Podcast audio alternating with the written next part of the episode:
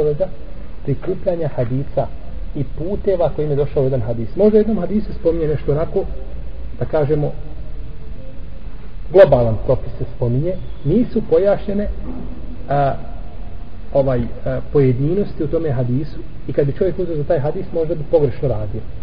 Pa kaže, ja radim po hadisu koji je u Buharijom sahihu. Mi kažemo, jeste, radiš po hadisu koji je u Buharijom sahihu, ali radiš pogrešno. Razumijete? Znači, mora znaš kako je hadis u Buharijom sahihu, nego moraš gledati, znači, šta je došlo u drugim hadisma, ima li ograničenja, ima li dodataka, ima li, pa onda nakon toga da se uzima hadis. Poslanik sa osvrame kaže, obaveza je dati sadakatul fitr za velikog i malog, muško i žensko, roba i slobodnog, i ti tu staneš. I imaš roba koji se zove Josip. Nije musliman. Moraš da tada kada fitr za njega? Moraš, ali tako? Jer vadi se kaže šta za roba i starog i malog ili i velikog i malog i roba i slobodnog i muško i žensko znači moraš da sve davati ali u drugoj pede došlo kaže se minel muslimin od muslimana pa veliki i mali od muslimana muško i žensko od muslimana rob i slobodan od muslimana nikako od koga od nevjernika Pa znači obaveza je uzeti dodatke, jer ponekad, braćo, nije preneseno. Ebu Horeira kaže, u hadisu kaže, suje vjerje u tri stvari. Pa je spomenuo u kući, u ženi, u konju. Znači, u čemu se kaže Aisha radijallahu anha, Allah se smilo Ebu Horeiri kaže. Ebu Horeiri nije čuo sav hadis. Ebu Horeiri je ušao, a Allah poslanik kaže, i židovi govore, sujevjerje u tri stvari. A on je čuo odakle? Sujevjerje u tri stvari. A nije čuo, židovi kažu. Ha? Pa znači, moraš se, ovaj hadis Ebu Hureyre, mora se staviti na vagu drugi radija, da vidi se, znači, šta kažu o tome, i onda nakon toga tek se može doneti sud ili hukm po pitanju, na to kažu braće islamski učenjaci, ko ne sakupi hadis sa stotinu puteva, nije razumio hadis. Oni govore ovo vezano za lanac prenosilaca. Pazite, ovo vezano za lanac prenosilaca da se znači zna a, ko kome daje potporu u kojoj organizaciji, koliko ljudi prenosi, da li hadis može pojačati, da ne može i tako dalje. Ali ovo je isto tako vezano za met hadisa. Jer dosta puta hadis imate drugim hadisa, znači pojašnjenja, dodatna objašnjenja i ovaj a, a, riječ možda jedna koja mijenja propis ili ono, ono, ono spolješnje značenje hadisa, tako da je neophodno čovjeku, znači kada govori o jednoj temi, da uvijek zakupi što može više hadisa na tu temu i ajeta, e onda tek na, jer tako može u pravom svijetu da razumije šta? Šarijetski propis da je, da je svaki propis jedan hadis i po jednom propisu imate jedan hadis i nema više, svi bi bili ulema. Do dva mjeseca mi svi bili ulema. Sjedneš i naučiš 500 ili 1000 2000 hadisa i ti sa Ali ima znači hadisa koji govori o temi različiti, kazani u različitim ovaj, uslovima, određenim osobama.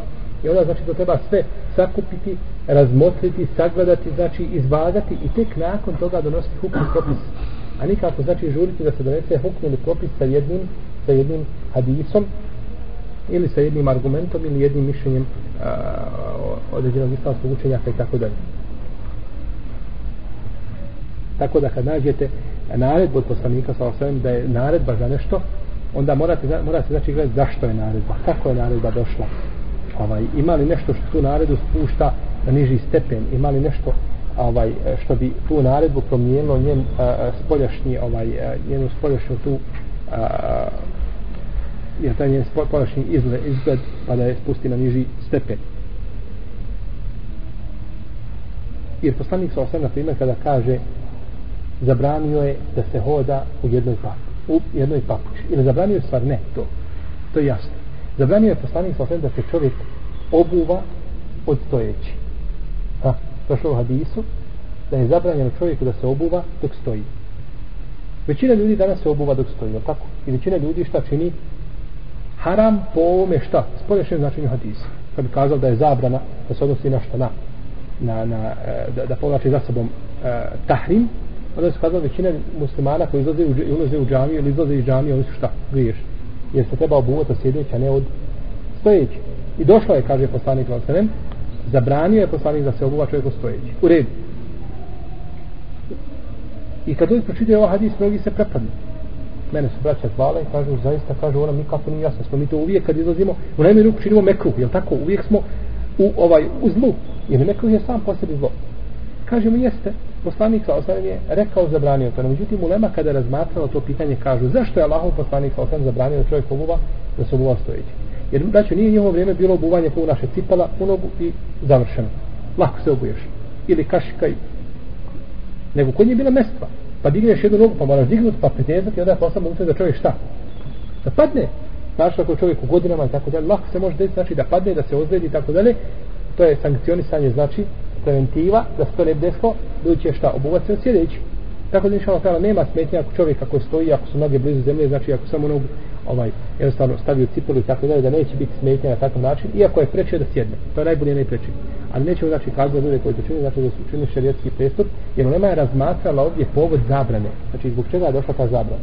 Tako da je bitno kada dođe znači naredbe ili zabrane da se gledaju sakupe hadisi imaju li mišljenja imaju li pojašnjenja od strane islamskih učenjaka jer ne možemo mi nikako bolje razumjeti znači niti hadise niti ajete niti ciljeve šerijata od znači naše uleme koja je bila 13